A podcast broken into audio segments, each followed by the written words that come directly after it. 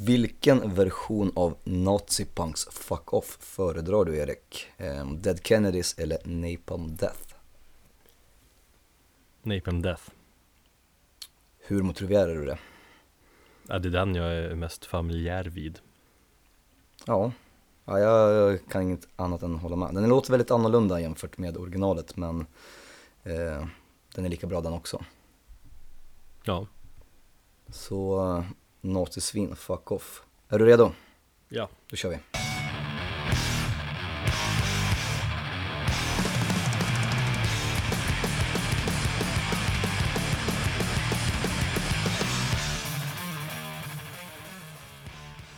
Hejsan och välkommen till det tionde avsnittet av Metalpodden. Jubileumsavsnittet. Ja. Hej Thomas, hur är det med rösten? Eh, ja, den är lite ansträngd faktiskt. Ehm, jag eh, tappade ju rösten i helgen. Jag har fått något fel på mina stämband. Jag tror att det är lite stress och allmän förkylning som har satt sig på, på just stämbanden då. Ehm, så det börjar bli bättre, men i söndags var det riktigt jobbigt för då, då lät jag som Kalle Anka. Du skickade ett meddelande till mig, ljudmeddelande på Messenger, så jag, jag fnissade högt. ja, men eh, jag har tydligen varit väldigt eh, rolig att prata med, både bland arbetskollegor och eh, ja, Karo när jag kom hem i söndagskväll från jobbet och eh, eh ja, hon hörde min röst så bröt hon ihop på golvet. ja. Alltså du låter ju inte så nu, man hör, du låter lite annorlunda, lite ja, småhes men, men det, det är okej. Okay jag sitter här med mitt ingefärste med typ en liter honung i och hoppas att det kommer eh, gå bra och att rösten håller så att ni lyssnare, ni får ha lite överseende med mig. Ja, sen ska vi också säga till våra lyssnare, eller våra nya lyssnare, att vi har en hemsida om ni inte lyssnar via den eh, metalpodden.com eh, där vi för varje avsnitt lägger ut länkar och info till sådant som vi snackar om under avsnittet. Så gå in där och kika Eh, hör gärna av er, det är roligt. Precis, feedback är alltid välkommet. Mm. Ska, vi, ska vi bara kasta oss in i det vi vill prata om idag? Och så får vi se hur mycket vi hinner. Ja men definitivt, det tycker jag. Och eh, det har väl inte undgått någon av våra lyssnare att vi var på spelning i fredags. Och tittade på Mgoa. Vad tyckte vi? Oj, ja vi tyckte jättemycket om den tror jag. Gjorde vi, det? Vi, ja, eller vi tycker mycket om den. Gör jag i alla fall, jag vet att du också gör det. Ja, vi tycker väldigt mycket om den ja. Mm. Ja, vi har väldigt mycket åsikter om spelningen, absolut. Ja, vi tyckte inte då för vi åkte hem för klockan var sent och jag skulle få någon timme sömn och du också. Precis. Vi börjar med förbandet kanske. Ja, det var ju både Vorum, eh, finska bandet och The Gaial, Uppsala bandet och lite grann av ja, Erik Danielsson, Joa Teins eh, älsklingar, vad jag har förstått. På vilket sätt då? Har han typ producerat eller har han hjälpt han har gjort, dem på eh, Han har gjort artwork för dem och sen så har han snackat eh, om dem eh, rätt mycket i, i media, namedroppat dem och så. Okej. Okay. Så att jag har fått lite grann eh, den känslan, plus att ja, de är från Uppsala och det finns ju en liten eh, ja, sluten grupp eh, black och dödsmetall folk i Uppsala som, som hänger. Mm. Jag lyssnade lite grann på dem inför spelningen så jag skulle vara, liksom, kunna vara lite förberedd men eh, vad ska jag säga, ljudet var ju bedrövligt. Ja, det var under all kritik. Helt värdelöst.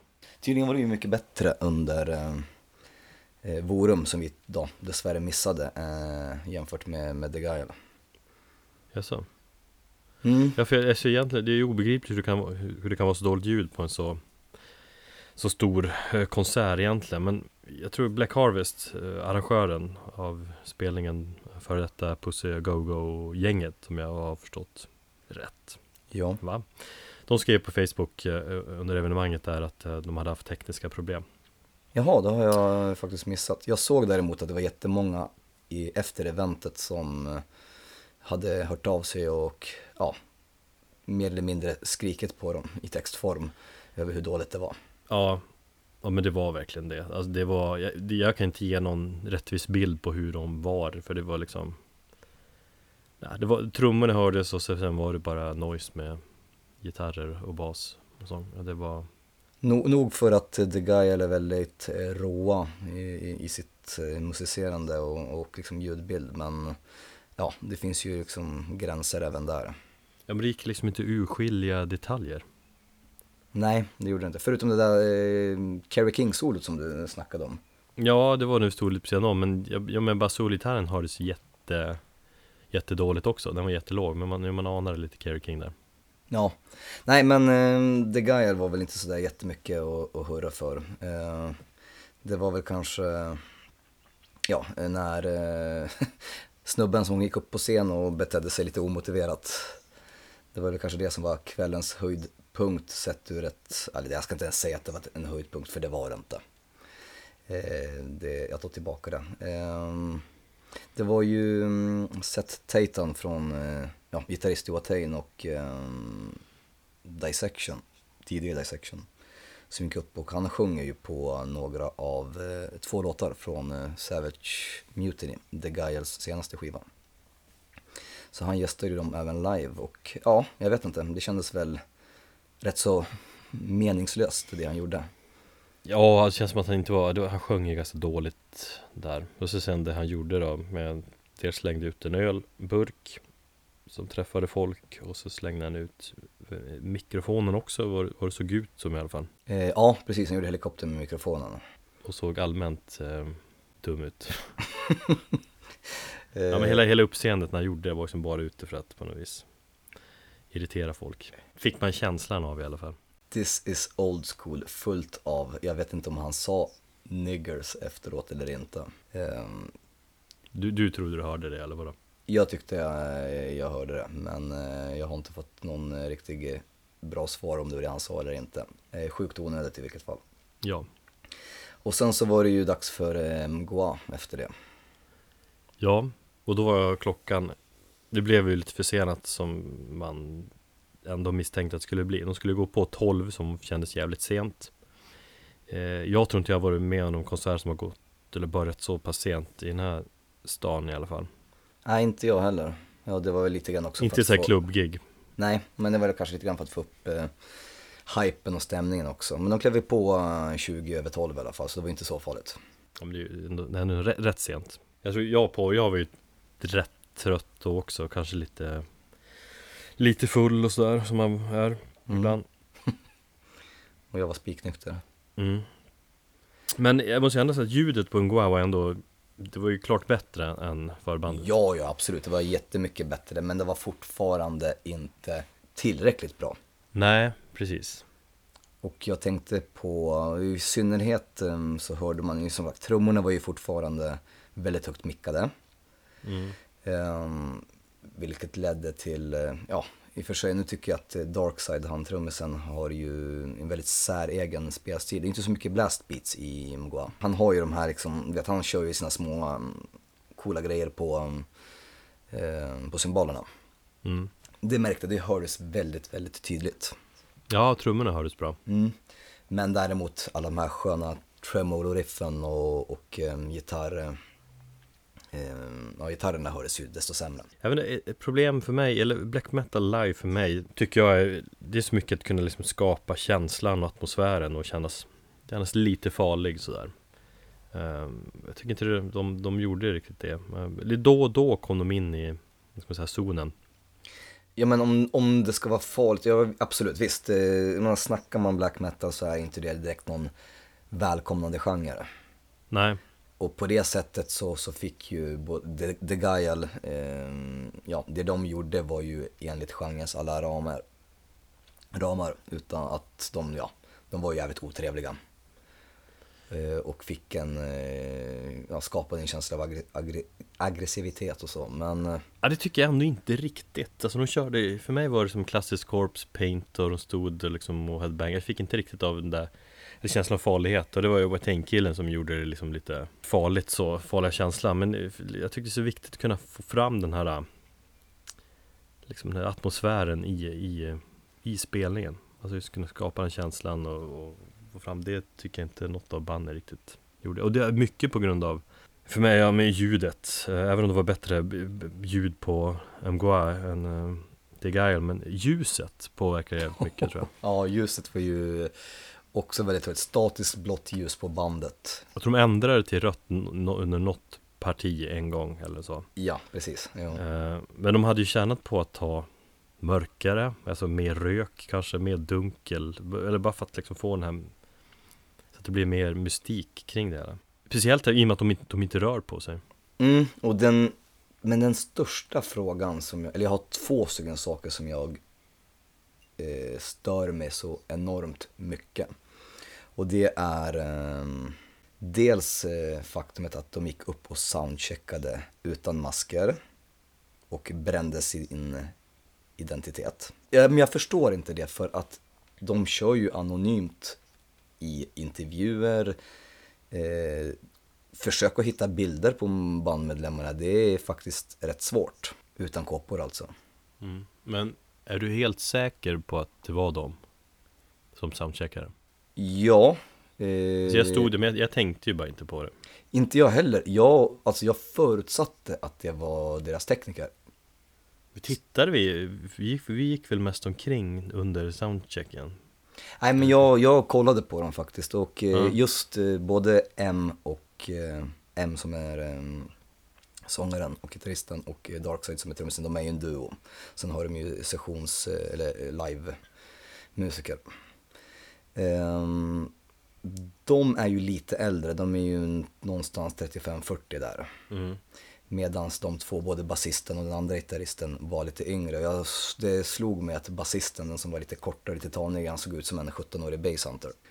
eh, och det tänkte jag bara, ja, men okej absolut, ja men fan ung kille, ser rätt så poppig ut. Eh, ja men det är självklart att han liksom bara eh, soundcheckar åt bandet. Och jag tänkte inte heller på det förrän jag snackade med lite folk på, på Facebook eh, om gigget eh, dagen därefter.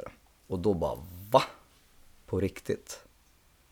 Ja, men vad sa de då, då? Att det var, det var helt klart den, den där killen på basen var Yes. Spelade bandet också. Och så frågade jag Kim och han sa att de gjorde likadant i Åbo också, så de har tydligen gjort det tidigare. Ja. Och då undrar jag varför man lägger så mycket krut på att vara just anonym och, och, och, och, så, och genom att bara gå ut och men fan, soundchecka med maskerna på eller någonting, eller dra för några jävla gardiner. Mm. Nej, alltså min illusionen om bandet sprack totalt. Ja, det gör det ju. Jag tänkte ju inte på det på det viset. Eller jag antog att, att det var andra killar som soundcheckade helt enkelt. Ja, som sagt, det gjorde jag också mm. först där.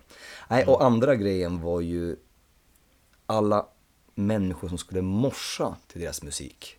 Ja, alltså direkt in på första låten så blev det ju en, en stor morsbit, alltså riktigt aggressiv morsbit där två snubbar pucklar på varandra ordentligt direkt. ja, den missade jag faktiskt men... Eh, Nej men det var ju precis framför oss typ. Jag var ju så liten så att jag hade, var ju tvungen ja. att stå på tårna för att se folk som är eh, som var längre än mig.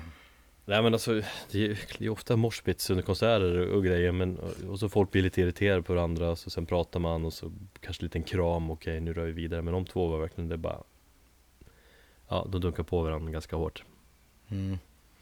Och så var det liksom allmänt irriterad stämning, alltså det var ju mycket därför jag aldrig kom in i zonen heller. För mig blev det aldrig en magisk konsert, mycket på grund av På grund av att jag var ganska irriterad. För dels hade vi ju vår polare som inte kom in, som blev stoppad av Vakterna ja vakterna eh, för att han var för full, men han var ju helt nykter. Eh, och jag stod ju ett tag med honom när han försökte prata med vakten och bara liksom ignorerade, det var ju liksom inget argumenterande med honom utan de bara Du vet, ignorerar honom totalt Ja, men jag märkte allmänt att vakterna var Jag brukar ju ha problem med vakter mm, Och ja, jag har ju fler exempel på uh, situationer som jag har inte blivit insläppt på grund av att ja, de ville kanske ut, utöva någon form av makt eller ja, och känt att den här killen kan vi jävlas med. Och jag har ju mm. blivit vägrad inträde på ställen där jag har varit nykter och kört bil till och med.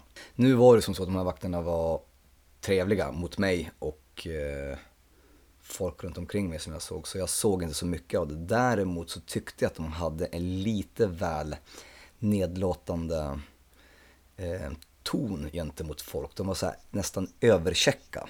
Jo, speciellt när vi, när vi gick ut från stället också var det lite den, den, den känslan. Alltså det är säkert ett annat vaktbolag eh, än vad som är vanligtvis på konserten inne i stan, kanske på, på Debaser och sånt där. Som Ja. jag tycker är mer jag vet inte, trevliga men de, det känns som att de är mer erfarna hur man ska bete sig mot den här typen av, av liksom publik. Precis. Jag stack ju iväg där ett tag och parkerade om min bil för att jag, jag vill inte få parkeringsböter. Ehm, och då följde Kim med mig ut och så visade han mig var det fanns gratisparkering. för jag hade ju stått på ja, någon privat plats. Ehm, och då när jag gick ut och så frågade jag vakten, är det okej okay om vi liksom um, går ut och bara parkerar bilen? Ja absolut, det är, liksom, det är lugnt sådär. Och sen precis när jag gick därifrån, då var den här chefen då, han som snackade om att det var lika tajt som i ett rövhål när vi var på väg ut. Mm. Han som drog den kommentaren, som försökte vara lite cool. Eh, han smådissade ju mig för min Bathory eh, patch som jag har på, på i jackan och bara, "Ja, men liksom Snygg patch fan, Eh, en sån där liknande hade jag när jag gick eh, i scouterna. Så att, jag vet inte. Det hade han ju säkert. Ja, ja absolut. Jag tyckte det var lite roligt, men det var såna här gliringar som jag märkte att det var lite så här trevligt men ändå nedlåtande på något sätt. Men eh, ja, de gjorde ju definitivt inte sitt jobb, eh, om vi nu ska gå in på, på allt som hände under den kvällen. Mm. Det tycker jag. Det var ju dels under eh, The Gaia-spelning där när Seth Teitan gick upp och kastade öl. Så, ja, den träffade, eh, träffade ju säkert någon där och micken också när han sullade ut den i publiken. Alltså det var ju inte med lite kraft han gjorde det. Så att jag vet inte, det fanns säkert några true cult elitister som tyckte det var jättehäftigt att, bli skadade. Eller hur? Utan det var ett hårt kast liksom som om du träffar skallen på någon eller så, så gör det ju ont. Ja. Och det var då vår vän Kim pekade finger åt honom. Mm. Och då stod det ju en snubbe bakom som inte tyckte att det var okej att han pekade finger åt eh, The Guile och åt Seth. Eh, så han måttade ju ett slag mot Kim, men Kim, eh, om jag förstått det rätt då, han väjde undan så träffade hans tjej då, Kristin. Och när hon då konfronterade den här snubben så drog han henne i håret och slog henne en gång till i bakhuvudet. Mm. Eh, så att det är ju inte okej någonstans att eh, man gör så och eh, ja, vakterna var ju osynliga med sin, med sin närvaro. Eh, och sen så pratade jag också med lite andra kompisar som var där. Och det var ju en av eh, mina kompisar som hade avstyrt ett bråk tre gånger, samma snubbar. Han hade nog stått på, på högerkanten tror jag. Vi stod lite mer i mitten. Och det var just under Mguara. Eh, ja, så har vi den här morsan då som var precis under första låten när Mguara gick på. Eh, och allmänt liksom väldigt otrevlig stämning bland väldigt många människor. Det kan ju ha eh, påverkats lite grann av tiden också. Dels är det fredag kväll och dels går de på nästan halv ett. Som jag tror flesta arrangörer skulle verkligen avråda för, liksom Ja, ifrån. Men sen är det ju det här med black metal också. Att det lockar till sig idioter. jag har ju aldrig sett så många Bursum-patcher i hela mitt liv. Så, så, mycket detaljer tittar inte jag på med, men så är det ju. Ja men Bursum-patcher och de här rakade, långt hår och rakade sidorna på, på, på skallen liksom. Eh, och sen eh, flätade mm, eh, skägg. Som känns väldigt mycket liksom Bursum och Varviken, alltså hela NSBM-scenen.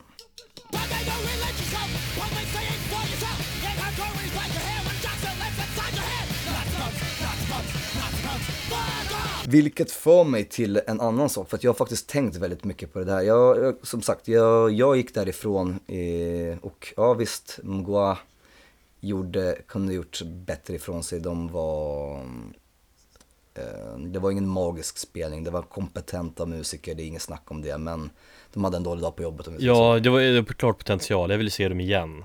Under bättre förutsättningar om man säger så. Ehm, så att en liten lätt känsla av besvikelse och sen som sagt allt annat som, som runt omkring som förtog mycket av känslan. Ja, och jag har faktiskt varit väldigt kluven till hela den här, eh, ja vad ska man säga, nazisympatierna som finns inom, inom black metal. Eh, och det är ju många band som liksom, ja de går den här fina balansgången mellan att vara nazisympatörer eller bara flörta med nazism eller vara rent ut sagt nazister. Och jag menar, i musikhistorien så finns det ju väldigt många exempel på, på stora artister som inte var nazister men som var eh, ja, samlade på mem memorabilia. Då tänker jag ju på Lemmy.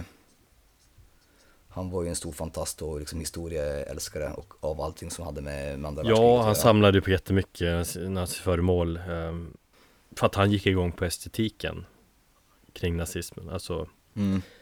eh, Och han har blivit anklagad för att vara nazist. David Bowie har vi också.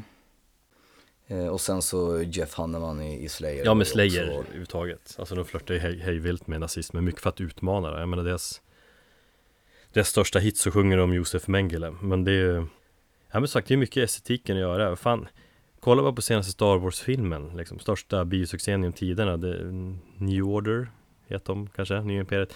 Eh, Det är så jävla mycket Nazityskland så det finns ju inte. Och den där unga generalen är ju liksom Hitler. Det finns ju överallt men Jag vet inte, alltså just med, med Med black metal att det drar till sig Tveksamma personer Det är ju bara att titta egentligen på de tidiga Tidiga black metal-åren framförallt eller om man säger, säger 90-talet och de norska black metal banden och det som hände där i just i, i Norge där med, med bandet Mayhem och, eh, som fascinerar fortfarande många med sångaren Deads självmord och ja. Bursums uh, mord på Euronymous, säger man kanske? Ja. Uh, ja men det, det är någonting som behandlades senast i i boken Blod eller död ju, som kom för några år sedan eh, i detalj. Där Ike Johannesson och den andra eh, författaren. Mm, just ja. Eh, och så kyrkbränder liksom och äkta satanism och hela den Det fascinerar och förbryllar och allt snack liksom om vara true och hela den grejen drar ju garanterat till sig alla möjliga typer av människor. Jo, och jag menar, ja, black metal ska vara kontroversiellt, black metal ska inte vara välkomnande på något sätt. Och, och ja, någonstans där så uh, köper jag det. Men när det väl börjar gå och bli liksom lite mer att man går mot en specifik ras eller någonting sånt, mm. så, så, så då där sätter jag gränsen. Um, och det är ju många av de här banden som går väldigt, ja som sagt som ligger i den här själva gråzonen. Jag menar Dark Throne är ett, ett, ett exempel och deras skiva Transylvanian Hunger. Eh, på originalplattan så stod det ju på själva eh, Ehm, omslaget eh, ehm, norsk-arisk black metal. Och skivan, och, eller själva texterna på till eh, den skivan är ju skrivna av Varg som vi alla vet vem det är. Eh, och då fick de ju väldigt mycket skit för att de skulle vara nazister och sådär. Sen så har ju Fenris gått ut och, och sagt eh, väldigt tydligt att han tar avstånd från allting som har med nazism att göra. Han tar avstånd från just de orden, norsk-arisk black metal, utan det menar att han skulle vara rent, som i ren och os... Ja, jag vet inte riktigt vad han hade för eh, ursäkt. Men eh, att han tog totalt avstånd från, från de orden och eh, de texterna och att han faktiskt eh, var väldigt arg på allt och alla under den tiden. Mm.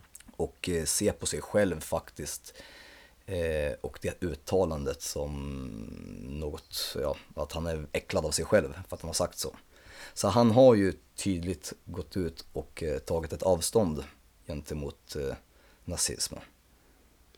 Vilket gör att ja, jag känner att det är okej okay att liksom lyssna på, på Dark Throne och ja, faktum är att jag gillar ju Dark Thrones senare skivor. Eh, mer. Men du lyssnar inte på Bursum? Och ja, det här det kommer liksom och jag inser ju att jag kanske är lite grann av en hycklare också och det är därför jag ville prata om det här för att jag tycker inte det finns varken ja eller nej. Har jag lyssnat på Bursum? Ja, det har jag. Lyssnar jag på Bursum idag? Nej. Skulle det komma upp på en fest att någon spelar Bursum eller att det skulle komma upp som en random grej på en spellista, skulle jag byta låt? Nej, jag skulle förmodligen låta den gå. Tycker jag Filosofen är en bra skiva? Musikaliskt? Ja. Mm. Men som sagt, jag lyssnar inte aktivt på dem och det är hela det här, det kommer ner till hela den här grejen med att um, skilja konstnären från konsten. Och i Bursums fall så, så gör jag inte det, utan han är en, han är en rasist och han är ett, ett äckel. Så jag vill egentligen inte ha med honom att göra, så att aktivt så lyssnar jag inte på hans musik, men ja. Men någonstans så, så fascinerar han dig samtidigt. Eller hur man säger. Nej, han fascinerar mig inte speciellt mycket. Det gör han inte. Eh, däremot så har vi ju eh, det här med amerikanska, eller ja, no, amerikanska black metal-bandet Inquisition. Mm. Eh, de släpper ju en ny skiva här nu snart faktiskt, jag tror det är juni eller juli.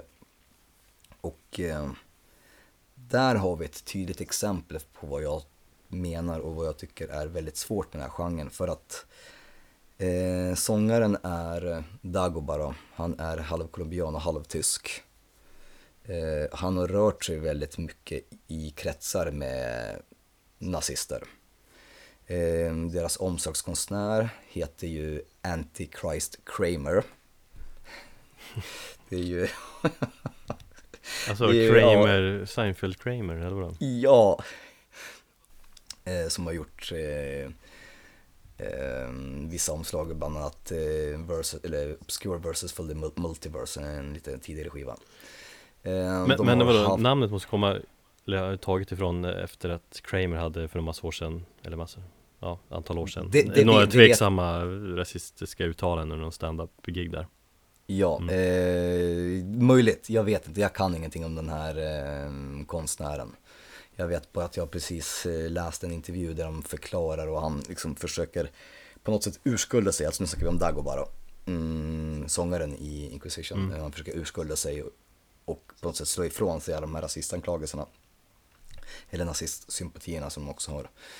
Ehm, de har ju haft tydligen busschaffisar som har rört sig i nazikretsar och ja, det är liksom, det är en hela den här gråzonen och det är ju väldigt mycket guilt by uh, uh, association.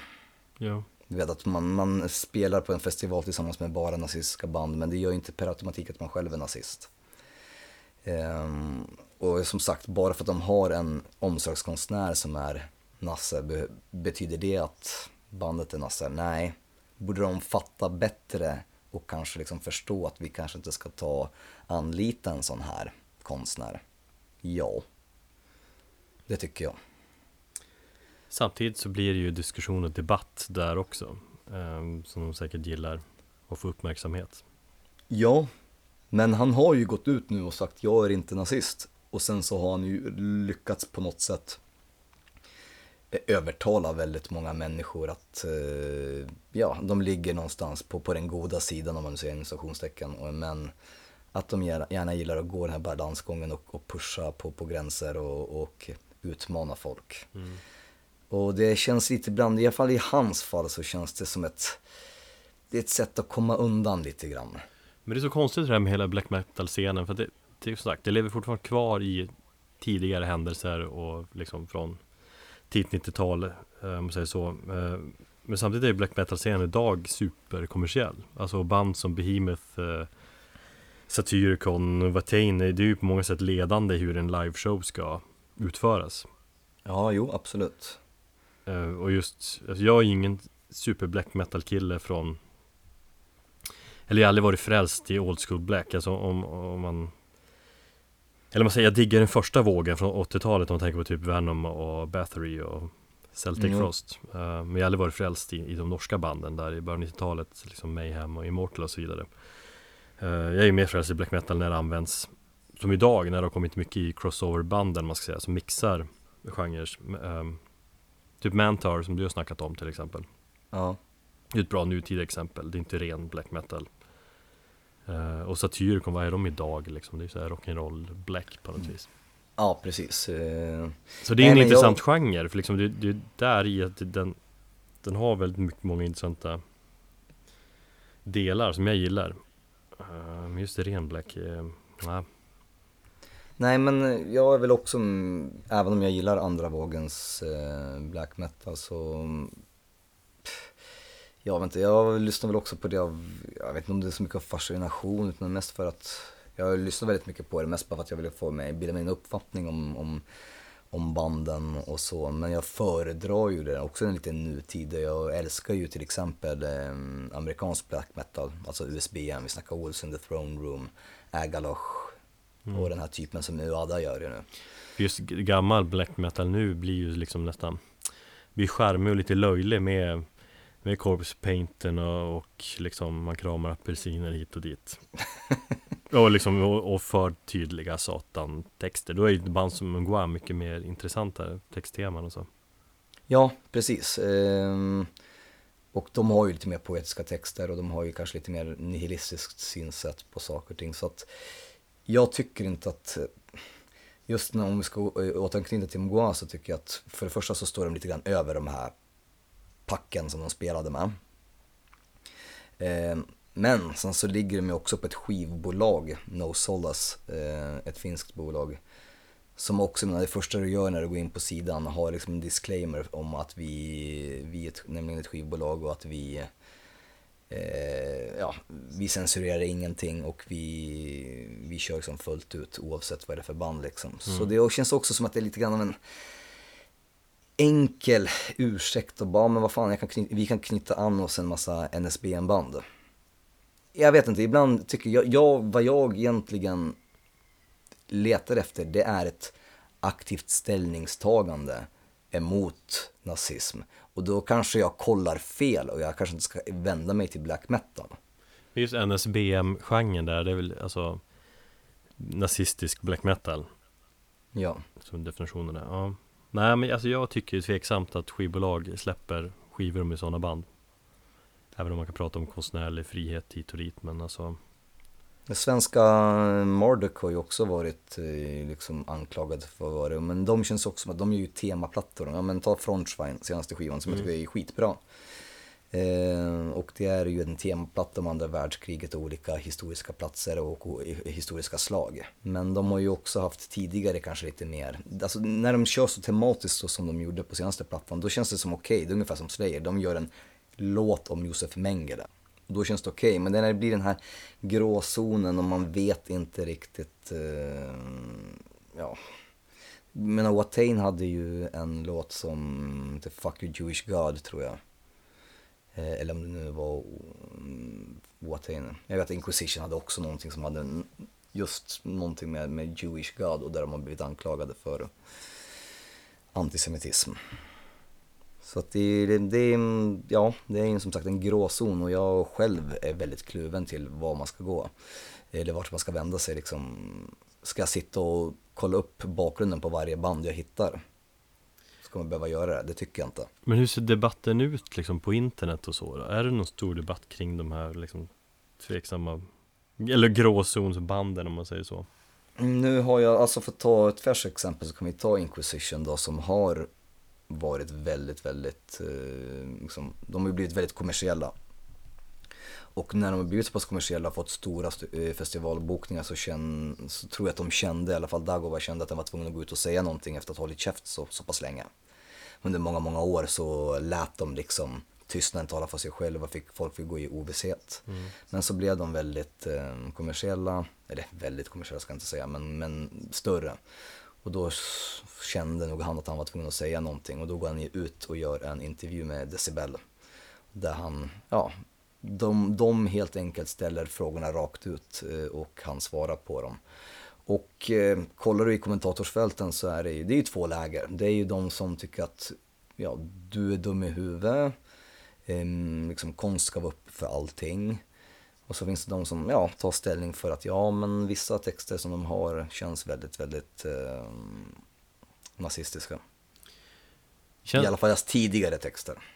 Ja, det känns som hela den här grejen också går under raden på de flesta. Uh, i och med, speciellt eftersom hårdrock är så pass stort i det här landet också. Men det känns som att typ Aftonbladet, om de skulle göra ett scope på den här grejen så skulle det bli liksom stort. Och då skulle det ja. bli en stor debatt kring det. Och då skulle det liksom SVT ta upp det i något debattprogram och så vidare. Men nu känns det som att det, det håller sig lite för sig själv. Ja, black metal har ju inte ens att göra det. Men sen så tror jag också att det är en, det är en liten... I kontrast just till att black metal ändå är så pass stor som den är idag med de här ledande, eller de här största banden. Ja. Alltså det är festivalheadliner och grejer vi snackar. Ja, uh, ja som sagt Behemoth, jag menar de har ju också gått kontroverser men då har det varit emot religion. Och många banden, och jag det här kanske också låter som någon form av hyckleri, men jag tycker det är helt okej okay att sjunga om, om religion och om antireligion och ta ett ställningstagande mot religion. Så som till exempel Behemoth gör och, och många andra band. Å andra sidan så har du det här Portland-baserade eh, black metal-bandet som heter eh, Infernus, där de har en låt som heter Hang the Gutted Christians. Då blir det liksom, då går de lite mer personligt på just kristna människor, om att slakta kristna människor. Vad är det för skillnad egentligen på att slakta judar? Mm. Så att det, det är liksom, det, det, ja, det är en balansgång. Varför ska det vara okej att sjunga om det ena men inte sjunga om det andra? Eh, så att jag, ja, jag vet faktiskt inte heller hur jag eh, ska förhålla mig till det och jag har faktiskt tänkt på det väldigt, väldigt länge. Eh, en grej som jag minns att jag gjorde var att jag kollade upp, jag hittade någon sån här lista, eller lista på potentiella NSBN-band Eh, på någon sida. Eh, och då var det förvånansvärt många band som jag faktiskt hört talas om och lyssnade aktivt på. Eh, som var alltså rent ut eh, nazistiska. Ett exempel var polska Graveland. Första gången jag hörde dem, ja men det här är bra, det här gillar jag faktiskt. Och brydde mig inte om så mycket om att kolla upp texterna och så. Och sen så läste jag lite grann om dem och då var de ju rent liksom nazistiska. Alltså jättetydligt eller? Ja. Mm. Eh, så att, ehm, ja, jag tror det handlar om att man orkar inte kolla upp och man vill inte kolla upp. Man, man, någon form av lättja också. Och hos många människor liksom, nej, ja, det är bara säkert, alltså allting kan liksom kategoriseras under själva konstfacket eller mm. att det skulle vara teatraliskt liksom. Men någonstans känner jag att måste man dra en gräns. Frågan är bara vart.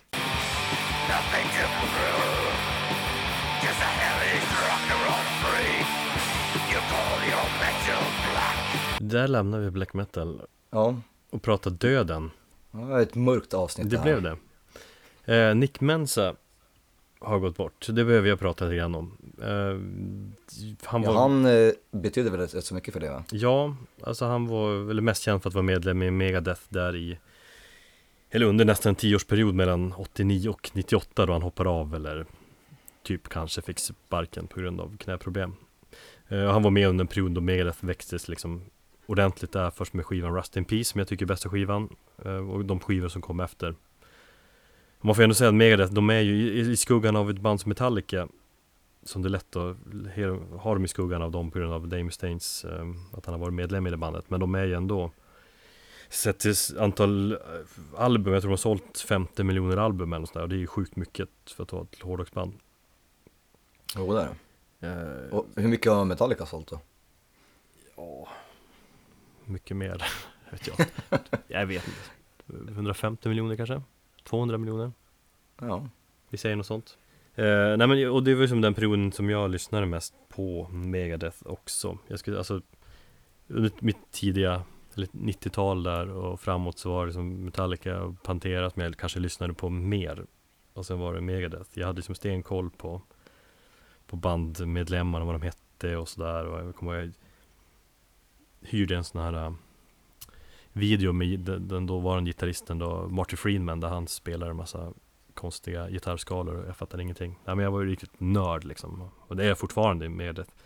Äh, så det känns lite grann, det är tråkigt. Han har ju varit på gång tillbaka till bandet några gånger, men det har ju liksom inte funkat. Jag tror hälsan satte stopp 2004 eller 2004 hörde brorsan om du liksom eh, Och nu senast var det väl ekonomiska som satte stopp. Han var ju på gång tillbaka nu. Eh, så har han väl varit nere i knarkträsket en hel del också kan jag tänka mig. Klassiker. Men vad var det som eh, satte stopp för honom 2004 då? Nej men då var det ju hälsan på något sätt. De skulle ut på turné och han var väl lite svag. Mm i kroppen? Jag ska, jag ska faktiskt helt ärligt um, erkänna att dels så är jag ju inget Megadeth-fan som det har ja, framkommit tidigare. Eh, så att när han, eh, när jag började se statusuppdateringar på Facebook och, och på Twitter och sånt där om, om honom så var det så här, jag ryckte på axlarna för jag, jag, visste inte vem, vem det var. Nej, jag, hade ingen aning om att han, jag hade ingen aning om att han spelade i Megadeth. Och, eh, men som sagt, jag har aldrig kul när, eh, när folk går bort. Men ja, vad ska man säga, det är livet. Ja, nej men alltså Megadeth är ju för många, det är ju Dave Mustaine liksom. Men hade, det var, Megadeth var ganska, just när de hade samma sättning i tio år där, då var det liksom det som var bandet mycket. Mm. Eh, Men det är bred trummis också, hans farsa var ju typ skolad jazztrummis, han höll ju på med sådana grejer också. Just bandet han spelade i när han dog där, han spelade under gigget, eller han dog under gigget. Eh, Det är ändå... Sjukt. Ja, det är sjukt, men det är väl ändå på något sätt så man kanske ska dö. Det var ju så man ville att Lemmy skulle dö i Motörhead som folk säger och så vidare men Ja, precis. Fast ändå inte, för han är ju traumatiskt för en publik bandmedlemmar som får uppleva en sån grej Ja. Ja men det är bandet eh, OM som heter. Det, där spelar gitarristen Chris Poland som också är före detta gitarrist i Megadeth De spelar ju sån där eh, avancerad jazz, fusion, instrumental rock Men det om som du pratar om, det är inte det om som eh, jag gillar. Nej. Utan det är om med H. Precis det om som jag gillar är ju mer av ett eh, stoner doom-band. En kul anekdot där kring det bandet, eller kul men tragikomisk. Det är att deras förra trummis eh, Som Nick Mensa då efterträdde, han dog i en hjärtattack förra året. Så Chris Poland i bandet har inte tur med trummisar. Så ni trummisar som funderar på att söka För att joina i bandet bör tänka om. Nej men det var en cool snubbe, han var ju Nick Mensa, UFO Fantast och eh, han sägs ha inspirerat Dave Mustaines texter Eh, En hel del, bland annat låten Hangar 18, klassikern som handlar om Area 51 um, Det är en skiva som handlar mycket om kärnvapenkrig och Den Mm, låten gillar jag faktiskt. Ja den är ju kung Eh, bara för att jag var jävligt duktig på den på Guitar Hero. Alltså, då kom det in Ja. Samma ackordföljd för övrigt som eh, eh, Metallica-låten The Call of Cthulhu för övrigt. Äh, men vi kör lite, tycker jag, lite Nick Mensa. Eh, vi kör lite av det snygga introt till Take No Prisoners från klassiska Rust in Peace där, där Nick Mensa smattrar på ganska friskt.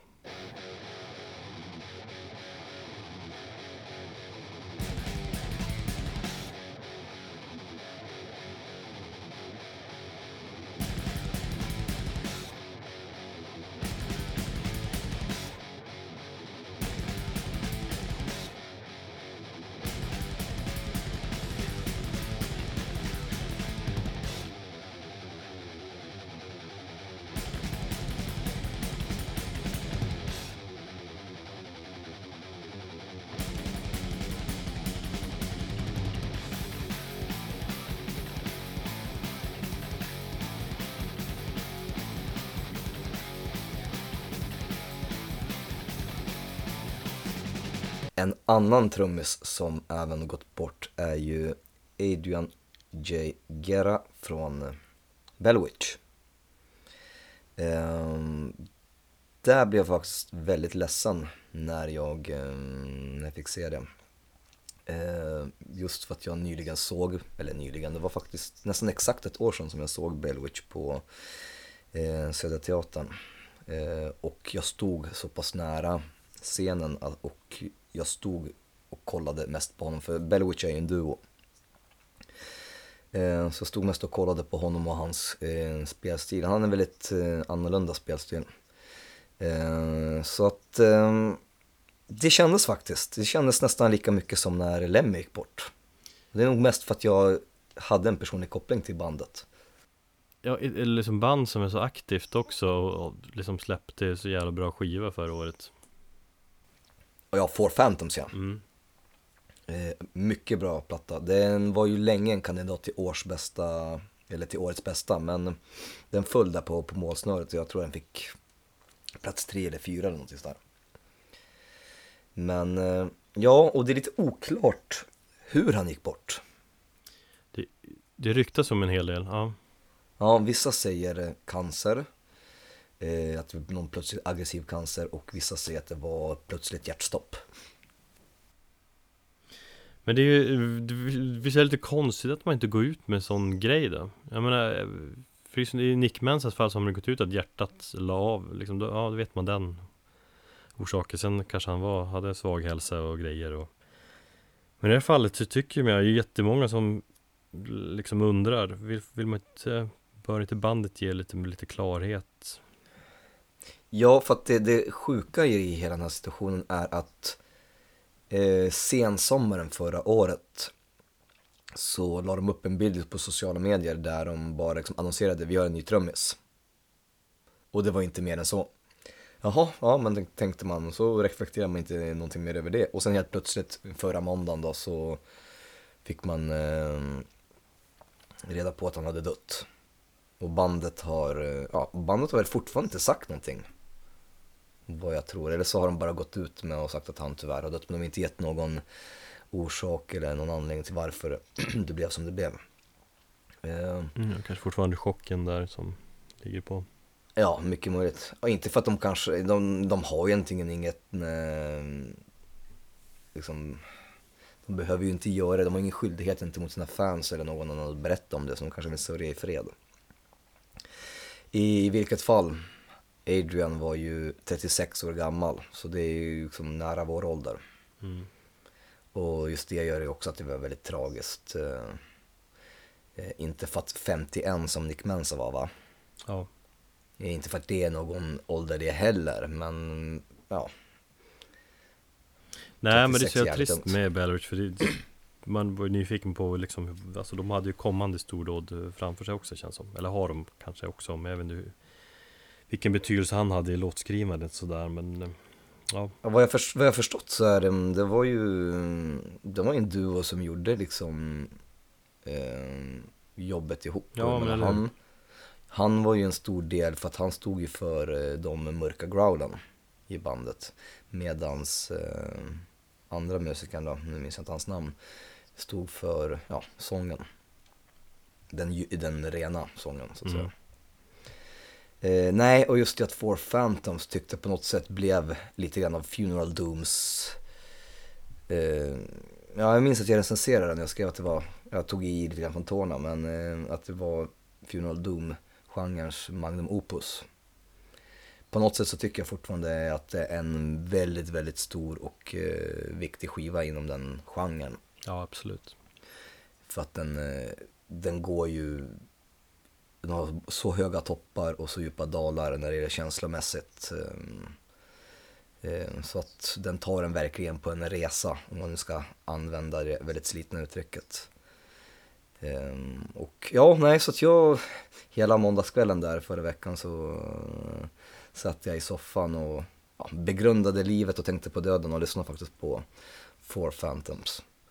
Så jag tycker att vi, vi spelar en eh, snutt från den senaste skivan och det är låten Suffocation, A Burial 1, Awoken, Breathing Teeth. Väldigt lång titel där. Och i och med det så tror jag vi också avslutar avsnittet. Ja, det får, jag tror det blir en väldigt bra avslutning. Så tänk på döden och eh, lyssna på Bellwitch. Och eh, älska varandra.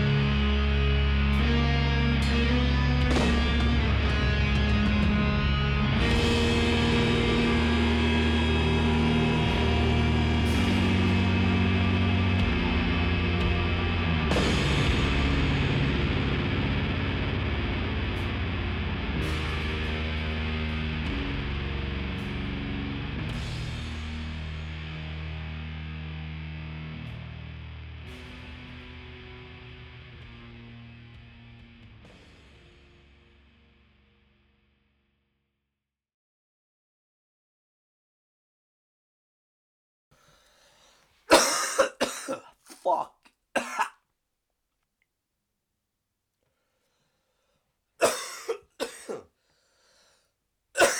Helvete.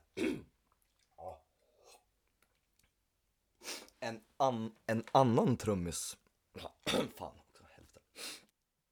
Ja, men där på slutet så var det ju helt åt helvete.